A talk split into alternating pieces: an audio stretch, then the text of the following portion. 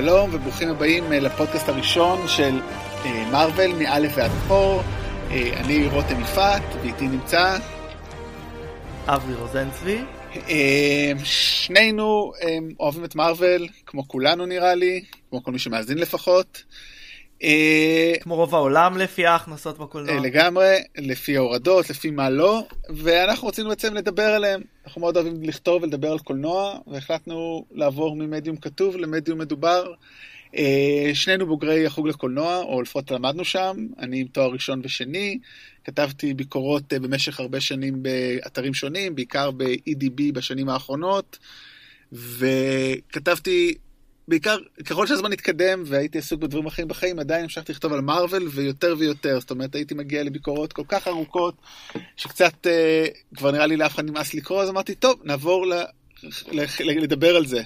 ולא יכולתי לחשוב על אדם יותר טוב מאשר אה, חברי הטוב אברי. אמ, אה, תודה רבה רותם, אז אני, כן, בוגר לימודי קולנוע ותסריטאות,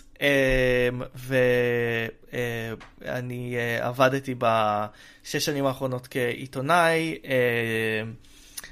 בעיקר בענייני תרבות, וערכתי תוכנית התרבות של i24 News.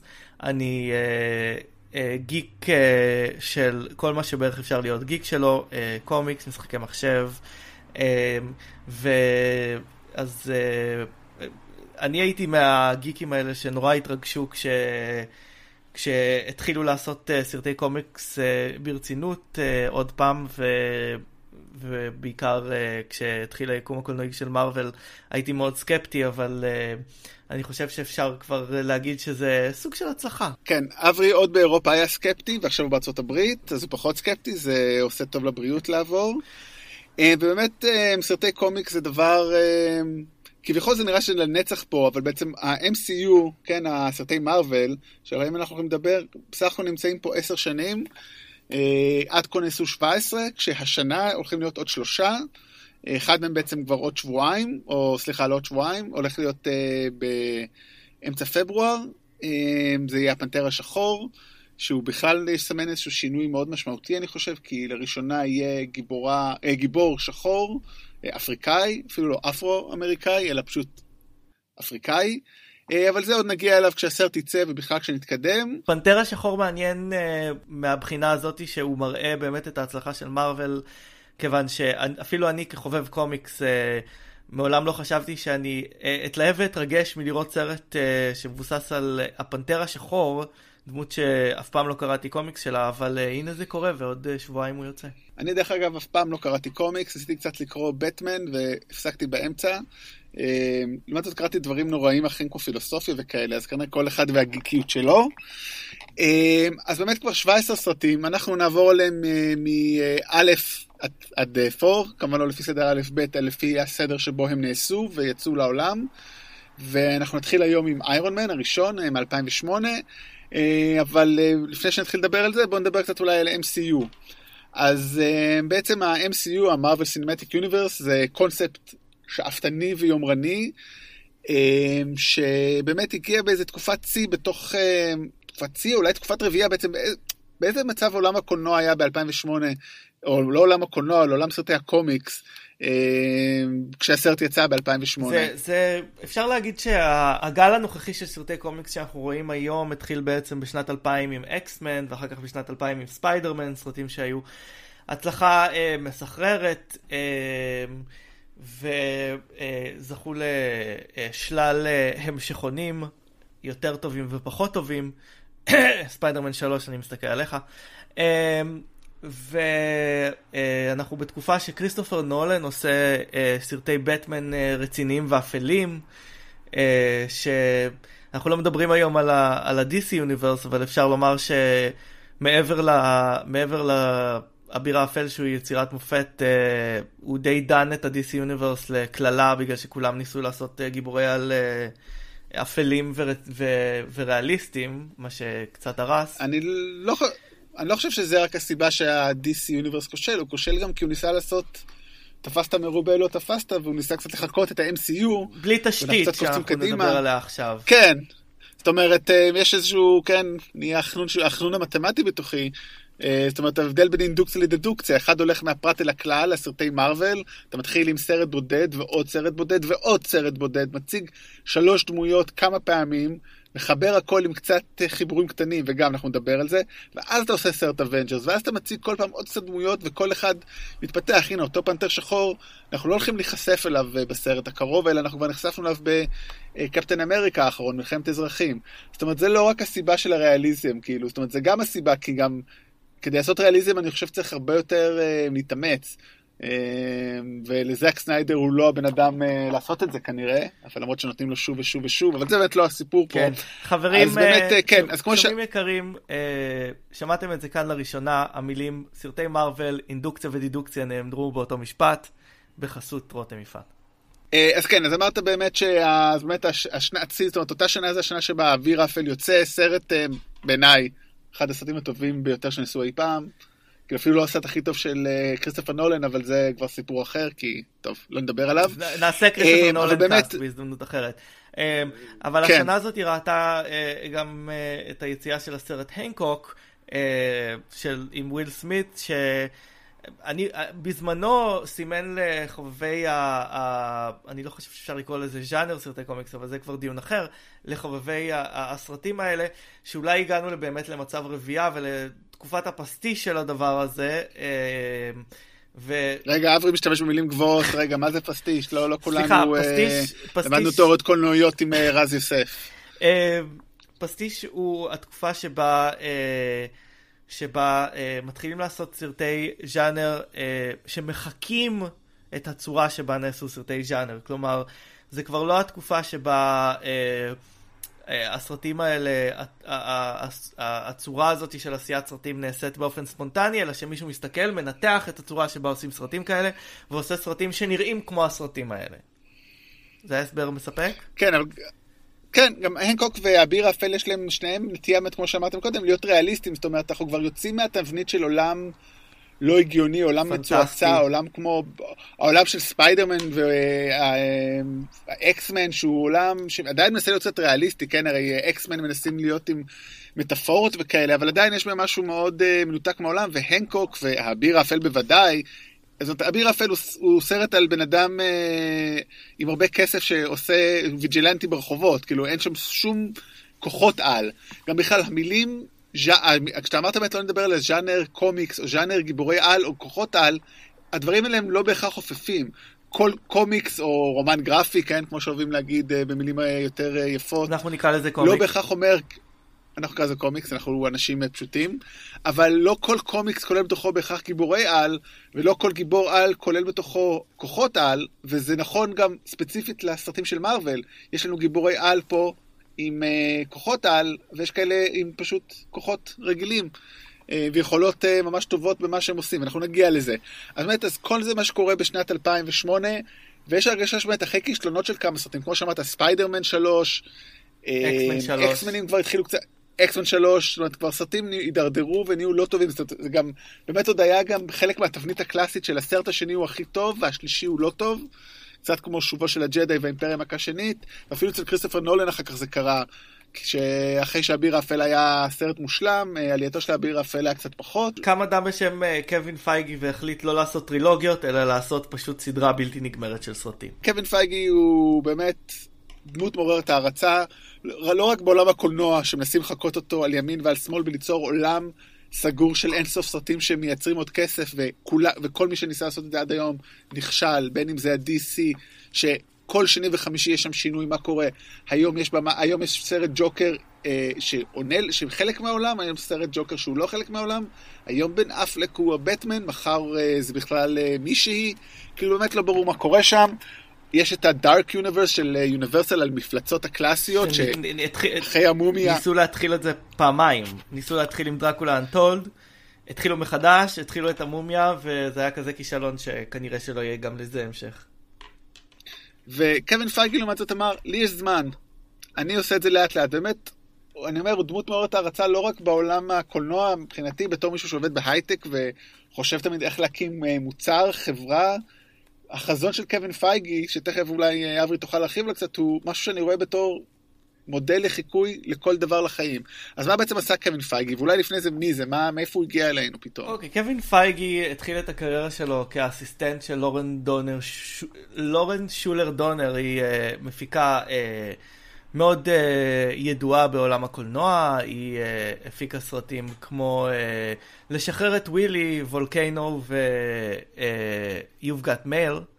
Um, היא גם uh, אשתו של uh, ריצ'רד דונר, שכאמור, ב, כידוע ביים את uh, uh, סרט uh, סופרמן uh, הידוע עם uh, ריבס. Um, אז הוא התחיל כאסיסטנט שלה, והוא uh, uh, הפך למפיק uh, סרטים, וכל הקריירה שלו היא uh, סרטי מארוול. הוא היה חובב קומיקס ומארוול uh, ענק. הוא התחיל אה, בתור... אה, נשמע ממש חד, נשמע ממש איש חד ממדי. ממש חד ממדי. התחיל אה, בתור associate producer של אקסמן, הפך ל executive producer של סרטי ספיידרמן, הולק, ובעצם הפיק רק סרטים שקשורים לדמויות של מארוול, ואחרי שהוא הפיק סדרה של סרטים שכללה את אקסמן The Last Stand, ספיידרמן 3 ופנטסטיק פור 2, כנראה החליט, אה, אני לא עושה את החרא הזה יותר, ואז הפקידו בידיו את אה, אה, אולפני מארוול, שזה בעצם היה מתי שמארוול החליטו בעצמם לממן את הסרטים בלי, בלי אולפן חיצוני. ו... אבל חשוב לה להגיד פה זהו, שהזכויות, זאת אומרת, מארוול, חברת קומיק שקיימת משנות ה-60 בערך, 50, 60, אה, סטן לי כמובן, אה, האיש והאגדה, כתב ומעורב בכל כך הרבה שם, הוא ואחרים. אה, ובעצם באיזשהו שלב ניסו לעשות עוד דברים, ובעצם להפיק סרטים, הם מכרו את הזכויות לאופנים אחרים, וככה באמת את סרטי אקסמן וארבעת המופלאים עשו, עשו אולפני פוקס, אולפני סוני קולומביה עשו את ספיידרמן, כל מיני אולפנים אחרים עשו פרנצ'ייזים אחרים כמו המעניש, דר דביל, אז באמת מארוול הפיץ את הזכויות שלו כי הוא לא היה אולפן קולנוע. לא, הם גם היו ב... מרוויל היו בקשיים כלכליים ועל סף פשיטת רגל ועשו מין מכירת חיסול של זכויות קולנועיות של... אה, הם למעשה הדמויות הכי פופולריות שלהם ולכן אה, אנחנו רואים שכש... שכשקווין פייגי קיבל את, ה... את האולפנים אה, הדמויות הכי ידועות שלהם לא היו, לא היו להם את הזכויות בידיים.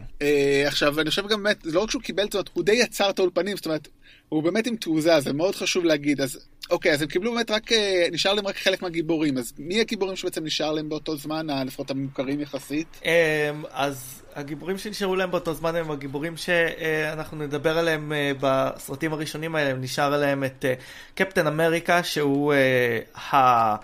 הסופרמן של, של, של מארוול. נשאר להם את, את איירון מן, את תור, את ההולק. ולמעשה נשאר להם ספרייה של מאות דמויות שרוב הציבור הרחב אף פעם לא שמע עליהם. אבל הגדולה של, של הרעיון הזה הייתה שבעצם הם הסתכלו על, על עולם הקומיקס, שבמשך אה, עשרות שנים אה, מה שהוא עשה זה היה לספר סיפורים על דמויות שמשתלבות אחד בשני. כלומר בקומיקס אה, דמות אחת מבקרת בספר של דמות אחרת. אה, יש, אה, יש, אה, ספר, יש אה, ספרים של קבוצות כמו ה-Avengers או Justice League אצל DC ובעצם מה שקרה זה שכיוון שיוצא סיפור בחודש ב, ב, בקומיקס היה כל כך הרבה סיפורים ש, שהיה צריך למלא שבערך סיפרו כל סיפור אפשרי. אה, במהלך השנים. כלומר, אה, כל גיבור אה, אה, אה, חבר לכל גיבור אחר ונלחם בכל נבל אפשרי. ו... מעניין אם כאילו היום פשוט נותנים לאיזה תוכנת אה, אינטליגנציה מלכותית פשוט לערבב בין הכל וליצור את זה ולראות איך זה יוצא. אני חושב שהם לא היו מצליחים לצאת עם דברים אה, מופרכים כמו שהיו בקומיקס במהלך השנים. אני חושב שאף תוכנת AI לא יכולה לחבר דברים כמו... אה, כותב קומיקס אה, שצריך את המשכורת הבאה והדדליין שלו מתקרב. עד שנתחיל לריב את ה-AI שלנו. עכשיו בעצם התחילו עם איירון, אתה אומר בעצם אבל שעם קפטן הוא הכי חזק, למה דווקא הם התחילו עם איירון מן? כאילו איזה, מה הסיבה פה? זאת שאלה טובה. אני חושב, אם הייתי צריך להמר, נראה לי שהסיבה שהתחילו עם איירון מן היא ש... קפטן אמריקה, כפי שהם החליטו לעשות אותו, הוא סרט תקופתי. כלומר, כי קשה להפריד את קפטן אמריקה ממלחמת העולם השנייה. וקפטן אמריקה הוא דמות... אתה יכול להוציא את הקפטן אמריקה מהנאצים, אתה לא יכול להוציא את הנאצים מקפטן אמריקה. זו כן, האמירה הידועה. כן, בהחלט. וההולק יגיע מיד, אבל ההולק הוא, הוא דמות בעייתית בגלל שבעצם כשהוא, כשהוא סופר גיבור, הוא מפלצת, ולא, ולא ממש סופר גיבור, מה שהם הצליחו להפוך אותו במהלך ה... סדרת הסרטים של מארוול, אבל, אבל איירון מן נשאר בתור הדמות הכי, הכי down to earth, כי גם תור, אתה צריך ללכת איתו ל, לעולמות אחרים. תור הוא גיבור, סליחה, קפטן, איירון מן הוא, הוא גיבור על כדור הארץ, אין לו כוחות על, הוא בונה בעצמו את החליפה שלו, אז הוא נקודה טובה להתחיל, להתחיל איתה, בעיקר כשיש לך את השחקן הנכון. כן, אז רגע לפני שנדבר על השחקן הנכון, אולי רק עוד משהו אחד לגבי הציפייה, אני חושב שהייתה מהפרויקט הזה, זאת אומרת, אני זוכר כשהיה בזמנו, קצת, כשאחרי שיצא הטריילר הראשון, אנחנו מדברים ב-2007-2008, האינטרנט לא היה כמו היום שמטריילרים צצים כל שנייה וטריילרים בקולנוע זה כבר פסק כמעט. אה, ויצא את הטריילר הראשון לאיירון מן, Onion, אתר סאטירי, עשו קטע חדשות שמעריצים של איירון מן פוחדים שיעשו סרט מהטריילר, כי זה היה כל כך מבטיח וכל כך חיכו לזה, שאמרו רק שלא יעשו לנו את זה. וכנראה שכבר לא יעשו את זה יותר היום, כי מארוול הם אה, באמת אה, ביצ... אבס שמטיל ביצי זהב, כאילו, הם לא טועים כמעט, נדיר מאוד. אז באמת, אולי בוא נתחיל לדבר על הסרט הראשון שלנו, באמת איירון אה, מן, אולי נעשה נגיד כמה מילים על העלילה, ואז ניכנס קצת יותר לדבר על זה. אז באמת, הסרט שיצא במאי 2008, הוא אה, עלה 140 מיליון דולר והכניס 580, ככה שדי אה, נתן תקווה טובה להמשך. הסרט מספר, באמת עוקב, הגיבור שלו הוא טוני סטארק, הוא נפתח במסע קטן שעושה בהאמר צבאי באיזה מדבר... אה, בוודאי אסיאתי, אה, מזרח אה, תיכוני כזה, עם חבורת חיילים, הוא כולו בסבבה שלו ושמח, עד שפתאום טיל פוגע בה, השיירה מותקפת, וטוני נלקח בשבי, ושם על ידי איזה חבורת ערב, לא ערבים בהכרח, הם מדברים אומרים שזה באפגניסטן. אה, אומרים את זה בסרט? כך טוען ויקיפדיה, אני לא זוכר, באמת. כאילו, בסרט לא נראה לי טענו את זה, אבל טוב, אולי אנשים כותבים בוויקיפדיה גם מבחינתם כל הסטנים וכל המזרח התיכון זה אותו דבר. איירון מן סטן, אבל כאילו זה כן שם כזה ארגון טרור, א' לא אמיתי, ב' גם מדברים שם מלא שפות, כאילו יש שם שלב שטרוריסט מדבר הונגרית, ככה שכאילו... השתנם. כן, כן, אה, וזה, אז כאילו, הוא נלקח, נתפס ובאמת, הוא, הוא נפגע בזמן הזה, זה אולי החלק החשוב, ורסיס נכנס לו לתוך ה... קרוב ללב, ורופא שמטפל בו שם, שגם נלקח אה, בשבי, אה, מצליח להכניס לו מגנט מאוד חזק ליד הלב, שפועל על ידי סוללה של מצבר של רכב, שמושך לו, שבעצם מרחיק את החלקים אה, מהלב. והשובים שלו דורשים ממנו לפתח נשק מאוד מתוחכם שהמפעלים שלו, טוני סטארק הוא יצרן הנשק הכי גדול בעולם, פלייבוי, ומבקשים ממנו לייצר את הנשק. הוא עושה את זה, אבל הוא יודע שהרי הם יהרגו אותו ולא ישחררו אותו, אז מה שהוא עושה, הוא בונה לעצמו חליפה שמונעת על ידי אה, אנרגיה מאוד חזקה שבעצם אה, הוא הקטין, הצליח לפתח בתוך מערה, כן, עם חומרי הלחמה פשוט, פשוט, פשוטים, כור אנרגיה קטן, בעצם גרסה מוקטנת של מה שמניע את האנרגיה במפעל שלו, וזה נותן לו מספיק אנרגיה לירות ולתקוף את ה... לברוח מהשובים שלו. אמ, כשהוא מגיע חזרה ל... לארצות הברית, הוא מחליט בעצם שזהו, הוא הבין שהנשק שלו לא משמש אה, לדברים טובים, אז הוא מפסיק לעשות, אה, ליצור נשק, אבל השותף שלו, או בעצם המשנה שלו בחברה, עובדיה אה, סטיין, בגילומו של ג'ף ברידג'ס, לא, לא בא לו טוב, ובעצם מנסה להילחם בו, גם בצורות חוקיות בדירקטוריון, אבל גם בצורות פחות חוקיות, ומתגלה שבעצם הוא זה ששכר את הארגון עשר הטבעות הזה לחטוף את טוני, כדי... אה, כי הוא רוצה לתפוס את המקום שלו. כמובן שטוני נעזר, ב... יש לו עוזרת נאמנה, פפר פוטס, בגילומה של גווינת' פאלטרו, וגם חבר, שהוא בעצם חבר והנספח הצבאי לתוך החברה שלו, שזה תפקיד מאוד מופרך, זה כנראה הגרסה האמריקאית למש"ק ממטרות. אז בעצם ג'יימס רודס, כינויו רודי, בגילומו של טרנס הווארד, בעצם, ושניהם עוזרים לו להילחם בעובדיה, שיצר לעצמו חליפה משל עצמו, וטוני נלחם בו, והפתעה, טוני מנצח. משהו שכחנו להגיד בתחילת הפרק, יהיה פה ספוילרים לסרטים, לא רק לסרט שאנחנו צופים בו, שאנחנו מדברים בו, אלא כל הסרטים של מארוול. שיצאו עד עכשיו. אז היכונו. כן, שיצאו עד עכשיו. אנחנו גם לא רואים עתידות, אז אנחנו לא נספיילר מה שעוד לא קיים. נכון. אז, אז זה באמת על הסרט. נראה לי אולי שכחתי פרט אחד חשוב לציין. מי מגלם את טוני סטארק? רוברט דאוני ג'וניור. ואולי כדאי להגיד עליו כמה מילים, שבאמת רוברט דאוני ג'וניור, בזמן עשיית הסרט, היה במקום בעייתי משהו בקריירה, או מקום קצת יותר טוב? זה, בעצם מה, מה קורה עם טוני סטארק רוברט דאוני ג'וניור באותה תקופה? התחיל, התחיל אה, אה, להשתקם אה, בקריירה שלו אחרי אה, שנים של... רוברט דאוני ג'וניור. מה אמרתי? אמרת טוני סטארק. טוני סטארק גם היה במקום בעייתי בקריירה שלו, הוא היה סוחר נשק אה, ממש אה, לא, לא לעניין. אה, אבל אנחנו עכשיו מדברים על רוברט דאוני ג'וניור, אה, שהיה לו אה, שנים חלשות אה, בקריירה. הוא, הוא כזכור היה באמצע שנות ה-80 cast member של סאטרדי נייט לייב, אחר כך עשה כל מיני סרטים יותר רציניים כמו צ'פלין ותמונות קצרות, ואחרי זה בעצם אה, עשה בעיקר אה, סרטים אה, יותר קטנים, יותר עצמאיים, אה, והקריירה שלו התחילה להשתקם אה, בעקבות כיס כיס בנג בנג, שנדבר עליו יותר אה, ב, אה, כשנדבר על איירון מן 3.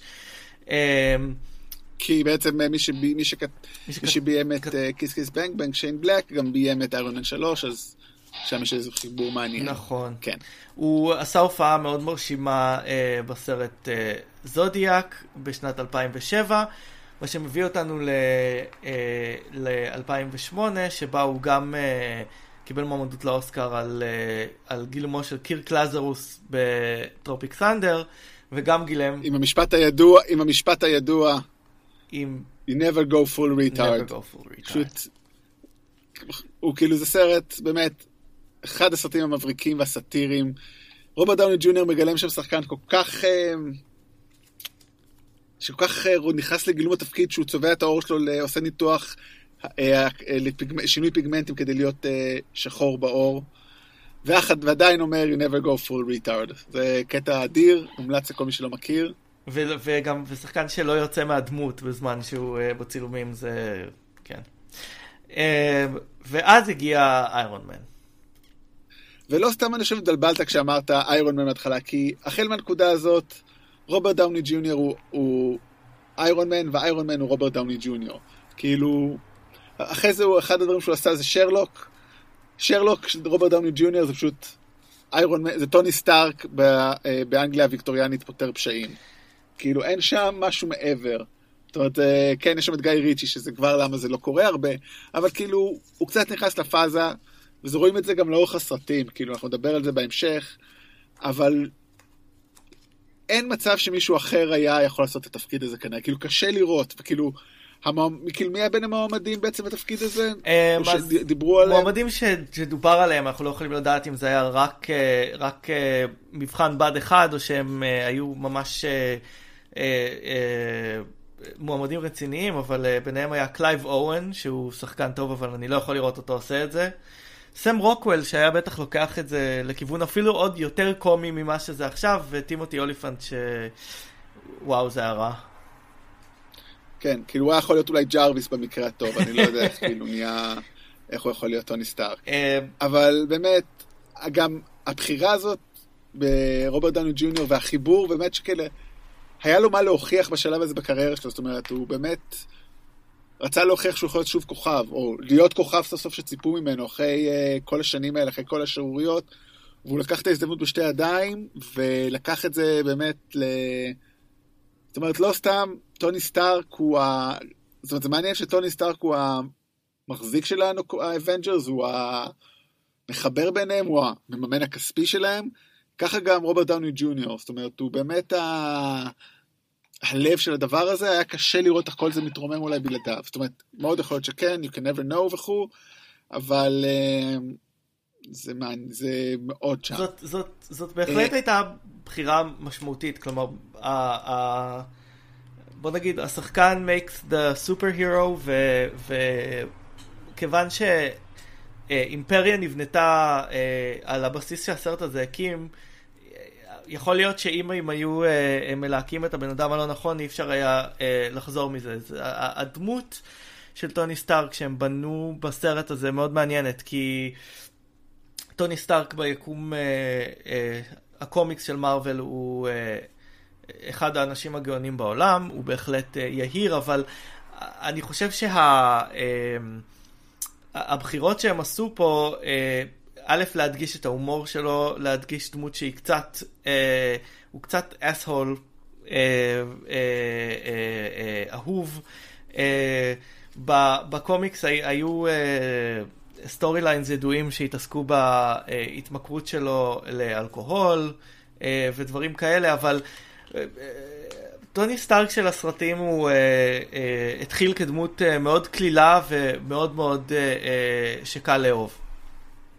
אני חושב שכן, זה, אני חושב שיש לזה אולי שתי סיבות. א', כי אתה רוצה דמות שיאהבו אותה, זאת אומרת, אתה רוצה להיכנס לפרנצ'ייז, אתה רוצה לעשות סרט עם דמות אהובה, DC על בטמן ורסס סופרמן, כאילו, כן, אתה רוצה משהו שיאהבו, אבל גם אתה רוצה...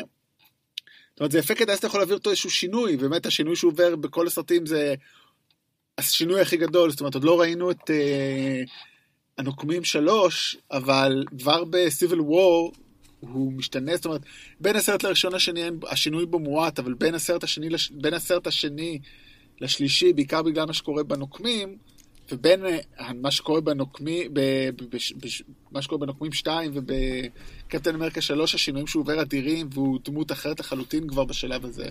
אז באמת, התחילו אותו כל כך, כמו שאומרת, התחילו אותו כל כך, כל כך קליל, שהיה חייבי, כי זה היה אולי חלק מזה היה במחשבה של להעביר אותו אה, קשת מאוד מעניינת.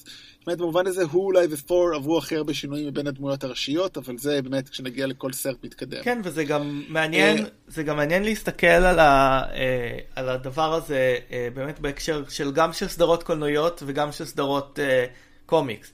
כי בקומיקס בסופו של דבר הדמויות עוברות הרבה מאוד שינויים. ו, וגם, וגם אה, עושות אה, אה, מתות, הן חוזרות לחיים, הן עוברות סיפורים מאוד דרמטיים, אבל בסוף כל סיפור קומיקס, הדמות צריכה לעבור reset, ולא באמת יכולה להשתנות, כי בא כותב חדש, ויש לכל דמות את, ה, את, ה, את המהות שלה, ו, וכל אחד לוקח את זה לכיוון אחר.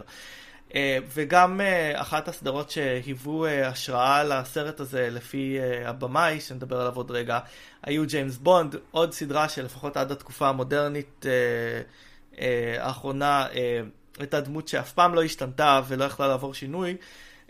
אני חושב שאחד הדברים שקווין פייגי והבמאים שעובדים איתו הבינו זה שבסדרת סרטים מתמשכת, הדמויות חייבות לעבור שינוי. גם בגלל ש...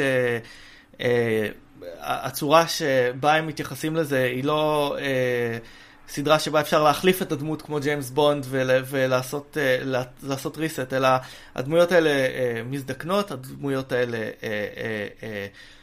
משתנות וחלקם גם ימותו, אז השינויים האלה שאנחנו נראה במהלך הסדרה הם חלק ממה שהופך את הסדרה הזאת למלאת חיות.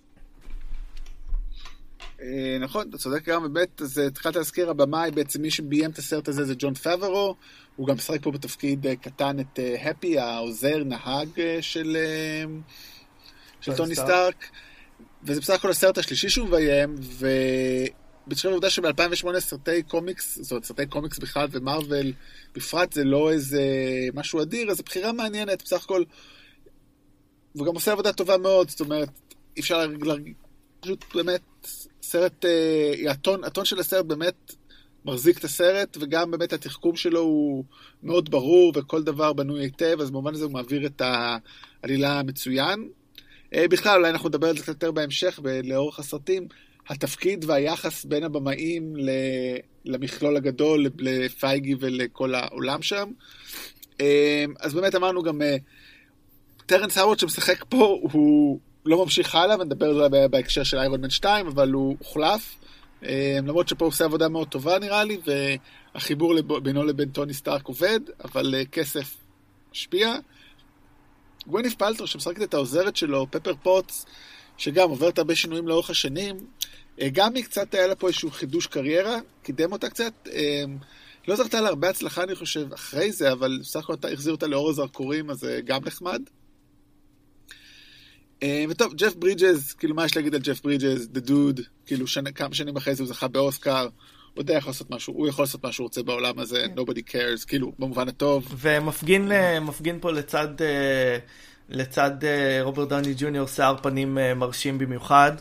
בעצם איך הסרט הזה בתור סרט ראשון? זאת אומרת, האם, האם הוא עובד? הסרט בהחלט עובד, הוא סוחף, ראיתי אותו הרבה פעמים uh, בעבר. הוא, הוא קצת שבלוני, ואנחנו יכולים לדבר uh, בהמשך על ה... מה שהרבה מבקרים ואוהדים טוענים שהוא השבלונה של מארוול, אבל הרבה בזכות השחקנים, בזכות האפקטים הממש מדהימים שיש בסרט הזה. הוא סרט, אה, הוא סרט ממש כיפי, לא הייתי אומר שיש לו איזשהו עומק או אמירה, אה, והוא עושה עבודה טובה ב... ב לשים את, ה, את היסודות אה, של היקום הזה, והוא למעשה סרט, אפשר לומר, שלא, הוא לא שאפתני במה שהסרט עושה, כלומר, זה, זה מאוד שאפתני במה שהיקום הקולנועי מנסה לעשות, אבל כסרט הוא לא שאפתני, אני, אני זוכר ש... אמ, פטון אוזוולד הקומיקאי דיבר uh, בזמנו אחרי שהסרט יצא על זה שהוא היה עם uh, אז חברתו, היום uh, אלמנתו לצערנו. ואחרי ש... לא אלמנת, לא, היא, לא, היא, לא, היא לא אלמנתו, הוא בחיים, היא מתה. הוא, היא... הוא אלמן. אשתו, אשתו ה-deceased הוא האלמן. סליחה, אוקיי. היא לא... היום כן. אה, לא, לא בין החיים. אה, הוא שאחרי ש...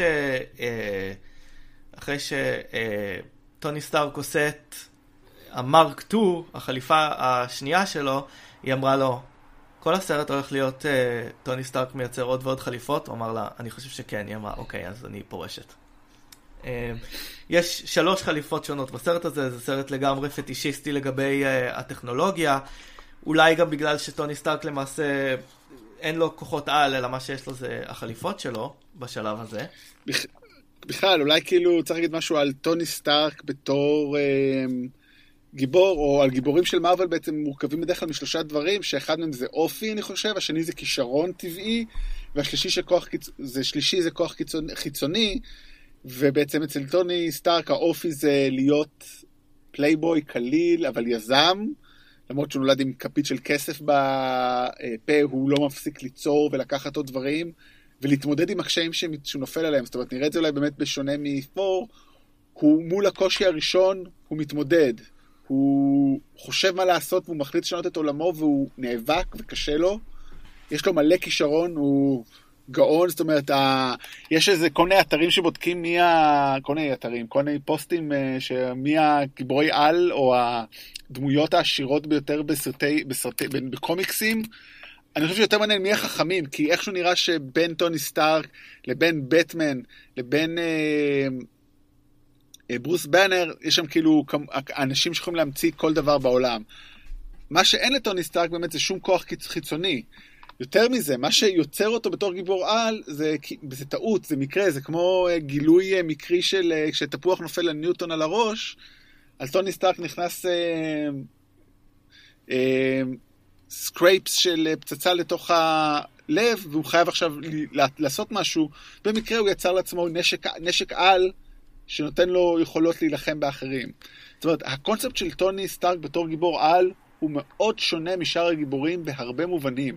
ואני חושב שאני לא יודע אם ניכנס לזה היום, כי כבר אנחנו, נראה לי, התשנו את רוב האנשים, אבל אין ספק שהוא מאוד מיוחד בנוף שם של מארוול. זאת אומרת, הדומים לו זה דמויות שעד היום לא ראינו סרטים עליהם, כמעט כמו אה, הוקאי ו... בלק אה, ווידו, הכי קרוב אליו אני חושב שזה אנטמן, אה, בסגנון, וזה מאוד מעניין באמת הקומפלקס הזה שלו, ונראה לי זה יהיה מעניין להסתכל על איך אחרים ואיך הם מתמודדים אחד עם השני. אבל מה שגם מעניין בו, ואני אגיד אולי שני דברים ממה שאמרת, איך זה באמת מניח את היסודות לסרטים הבאים, זה האם איירון מן הוא נשק או לא. זאת אומרת, האם הבן אדם הוא הנשק או החליפה היא הנשק? מה, מה מסוכן פה? ו... ועוסקים בזה פה קצת, כן. וגם uh, זה מעניין שהוא... Uh... אה, אני חושב עובדה שלא חוזרת בסרטים אה, אחרים ואצל גיבורים אחרים, אני לא בטוח, אבל הוא הורג הרבה אנשים. אה, הוא, הוא הולך ל... באמצע הסרט לכפר כדי להציל איזשהו בני ערובה, והוא יורה בכל הרעים שם, אני חושב שהוא הורג אותם. לגמרי, הוא הורג, אנחנו לא רואים מתים כמובן, כי זה סרט עם רייטינג נמוך ולא רייטינג כאילו לילדים או בני נוער, אז לא רואים את זה, אבל אפשר לשער שהם לא במצב משהו. ויש פה משהו מאוד מעניין, זה גם נכון דרך אגב לגבי uh, הדמות של הרע. הם בשנייה הורגים אנשים, אני לא יודע, זאת אומרת, באיזה קלות אתה... גם, אוקיי, לדוגמה, אם הוא הרג אנשים כשהוא ברח מהמערה כי לא היה לו ברירה, אני מבין את זה, אבל פתאום אתה, יש לך חליפה, אתה טס למקומות, אתה הורג אנשים וזהו. זה קצת קפיצת מדרגה לא ברורה, והוא לא מתייחס לזה מספיק. זאת אומרת, ההתייחסות הפסיכולוגית המעניינת על טוני סטארק היא קורית בעיקר באיירון מן 3, אבל זה בעקבות הטראומה שיש לו בנוקמים, באוונג'רס. פה הוא פשוט עושה איזשהו shift, וגם עובד, עובדי, עובדיה, הוא כאילו, אתה, הוא, אין לך שום סממן שבן אדם הזה הולך להרוג אנשים, אנשים אחרים, חוץ מזה שהוא נוסע על סגווי במפעל, כאילו ביום-יום. וזה איזשהו דווקא משהו בעייתי, זאת אומרת, זה אולי אולי זה עובר לנו כי אנחנו לא מצפים לסרט שיהיה עמוק, אבל כשאתה בא לחשוב עליו, אתה אומר, וואו, וואו, וואו, מה קורה פה? וכשאתה חושב נגיד על בטמן, בטמן מאוד, יש לו את החוקים שלו לא להרוג אנשים. למרות שהוא יורה על אנשים, זה קצת מטומטם, לפחות יש לו את האמירה הזאת. טוני סטארק אומר, אני, אני לא מוכר נשק לאחרים, אבל לא אכפת לי להרוג אותם. שזה by the way, זה בסדר, אני לא בטוח שזה אקט לא מוסרי, פשוט נראה לי האופי הזה שפתאום לעבור מ... אני לא הורג לה, אני הורג בין, במעבר חד מדי, הוא, חד, הוא קצת בעייתי בעיניי. Uh, כן, לגמרי. Uh, אני חושב ש... שעובדיה מתחיל uh, מסורת בסרטי מארוול של uh, רשע לא מאוד משכנע. Uh, הוא, הוא כאילו קפיטליסט שרוצה לעשות כסף, אבל הוא מקים ארגון כדי לתפוס את טוני סטארק. ואז הוא בונה לעצמו חליפה כדי להילחם בחליפה. כלומר, הוא בהחלט לא חלק חזק בסרט הזה. כן, הוא לא קוהרנטי, וכאילו באמת, אתה אומר, גם מתחילים פה עוד איזשהו משהו שקורה הרבה בסרטי מאבל, שיש לך את הרע הגדול, ויש לך, ובעצם הוא מפעיל רע בובה. זאת אומרת, בניגוד להרבה סרטים שיש לך רע גדול ואת ההנצ'מן שלו, פה יש לך את הרע הגדול, ויש, ובעצם רוב הסרט אתה חושב שיש לך רע אחד, ובסוף אתה מגלה שיש מאחוריו רע אחר לחלוטין, שלא ציפית שהוא יהיה הרע. זה קורה הרבה מאוד. אה, ופה זה קורה וזה שוב, באמת זה לא משכנע, למה שהוא יקים ארגון טרור? מה הארגון הזה עושה? הוא אמור, הוא אמור ליצור מלחמות ואז יהיה עוד צורך במלחמות? כאילו מה, אין מספיק מלחמות בעולם? כאילו, לא יודע אם צריך את אה, ארגון 9-10 אה, הטבעות האלה כדי שיצטרכו נשק בעולם. ובכלל כל הדיון הזה, מה טוני סטארק עושה, לא עובד שם, אבל זה לא מפריע, זה אולי מה שטוב בסרט, שכל ה... הוא לא עושה את זה בצורה יותר מדי רצינית, ולכן גם בתור צפייה זה עובר לנו, לי לפחות זה עובר מצוין. אמ, אוקיי, בוא נדבר על uh, עוד כמה נקודות שצריך לדבר עליהן. Uh, הסרט כאמור פותח את היקום הסינמטי של מארוול, בוא נדבר על איך הוא מתחבר לסרטים אחרים של מארוול. הדמות מציגה, הסרט מציג לראשונה את הדמות של הסוכן קולסון בגילומו החינני של קלארק גרג, uh, שמקים uh, איזושהי uh, uh, מחלקה uh, ש... Uh, אה, שעוד אין לה שם uh, סופי, אבל ראשי התיבות שלה הוא שילד. Um, ויש לנו את uh, השימוש הראשון של סרט מארוול בסצנת post credit. אז סצנות... מה, פוסט... כן, מה קורה שם בעצם? ואיך זה, מה בעצם, מה אולי לפני שמארוול השתמשו, איך, איך השתמשו בזה בעולם? אז אני חושב שסצנות post credit היו תמיד, אה, השתמשו בהם הרבה לשימושים קומיים, או להשלים משהו בעלילה, להראות לך כאילו איזשהו, אה, איזשהו אה, סגירה של אלמנט, להראות לך מה קורה עם הרע, אם הוא בכלא אחר כך ודברים כאלה.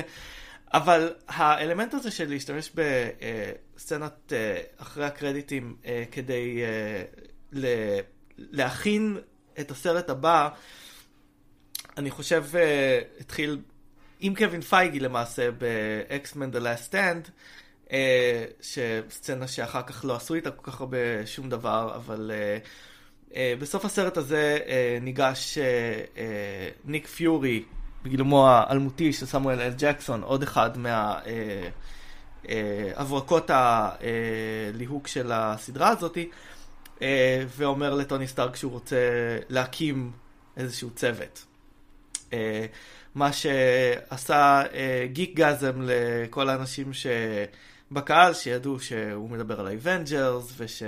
ומה שגרם, ומה שגרם לכל בן אדם שהולך להוצאות של מארוול לחכות, לחכות אה, שהכותרות יסתיימו כדי לראות מה הגג בסוף.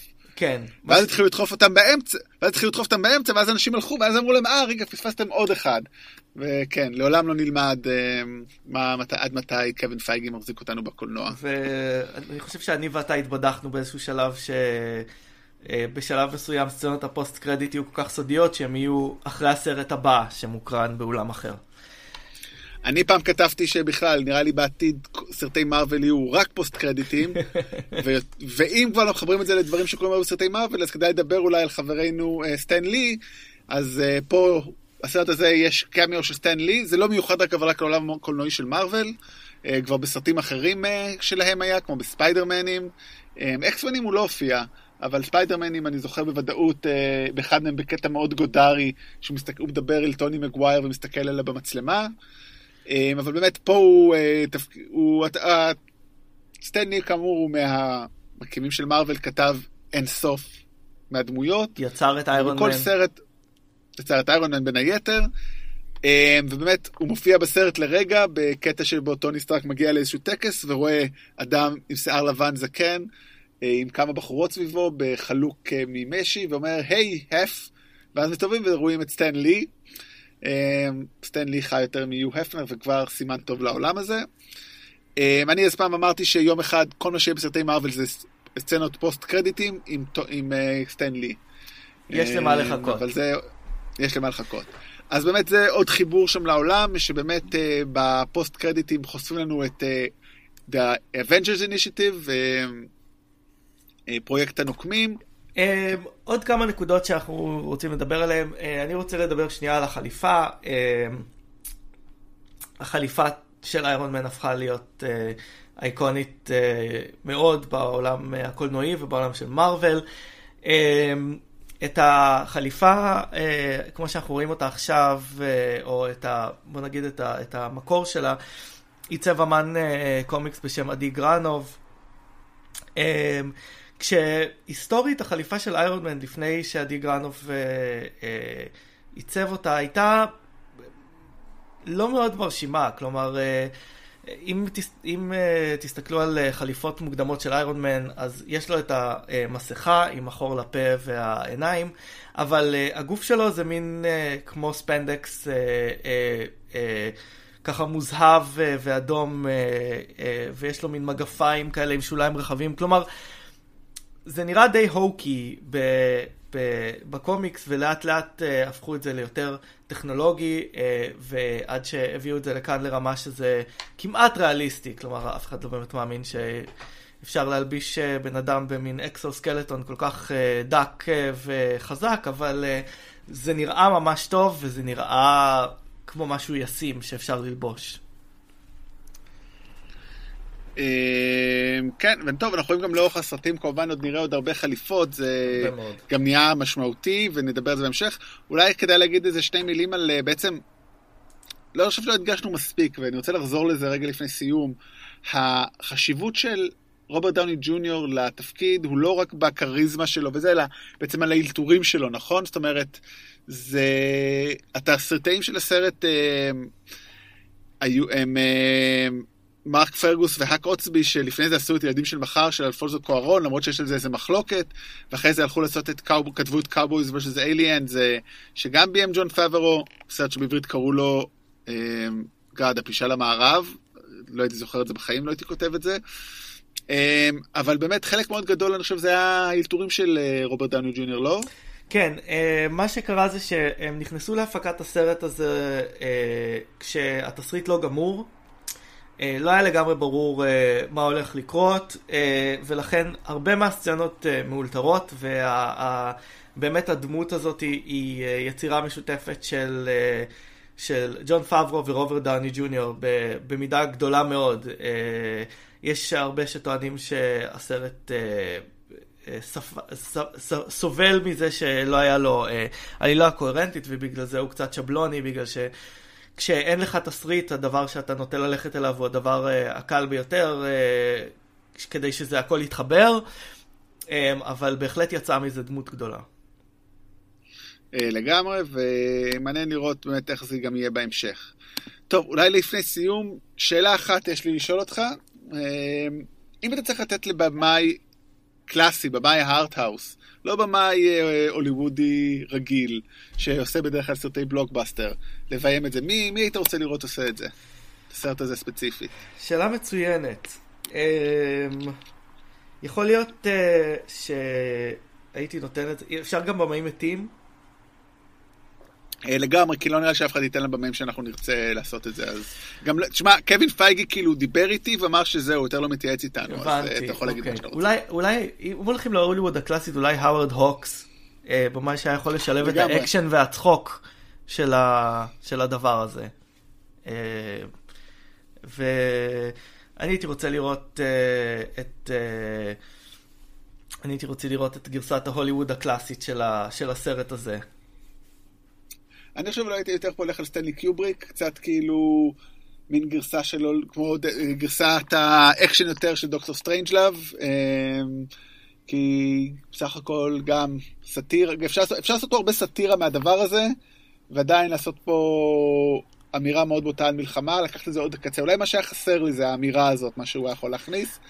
אבל זה כנראה כבר יהיה בחיים אחרים שלנו. אה, בגן... אולי, אולי, אולי in our good place אה, זה מה שיהיה. יכול מאוד להיות. אם, אם אנחנו נגיע, אם נגיע ל-bad place כנראה זה יהיה אה, מייקל ביי מביים את זה כל הזמן. כולם. כל סרטי, כולם. אגב, זה, זה מעניין שאתה מעלה את זה כי, כי הסרט... אה, הסרט כאילו, אה, כאילו אפשר היה אה, לראות בו איזושהי אלגוריה על, אתה יודע, על... אה, הצורה שארהב אה, אה, משחקת ב, במזרח התיכון, אבל אני חושב שהוא חף מכל אמירה הסרט הזה בסופו של דבר. אה, כן, אבל אני חושב שזה אולי גם דברים שיכולה לדבר עליהם בהמשך. זה לא מה שהם מנסים לעשות. זאת אומרת, אי אפשר להפריד אמנות מפוליטיקה, אבל אפשר לא לעשות אותה יותר מדי משמעותית. זאת אומרת, האביר האפל אה, והאביר, ועלייתו של האביר האפל ואקסמנים, יש בהם הרבה יותר אמירות חברתיות ואמירות על... Uh, ועל פוליטיקה, פה קצת פחות, וזה אולי בסדר, זאת אומרת אין שום דבר קצת רע, אז כמובן אפשר להתווכח על זה האם באמת אפשר לנתק, אבל כנראה שלא נעשה את זה היום, אבל אני חושב שזה משהו שלגמרי יחזור ויעלה במהלך הסרטים, כי יש לנו הרבה כאלה. נשאיר לאחרים לכתוב את המאמר על איירון מן ופוסט קולוניאליזם. לגמרי, או כל דבר בפוסט קולוניאליזם. uh, טוב, נראה לי שבתור uh, התחלה אז uh, אמרנו מספיק. כן. אז uh, עד פעם הבאה, והפעם הבאה תהיה ירוקה, עם הענק הירוק. אז uh, אני רותם. אני אברי. ולכו תראו סרט של מארוול. כן, יש 17 כאלה, מה אתם מפספסים? להתראות. ביי.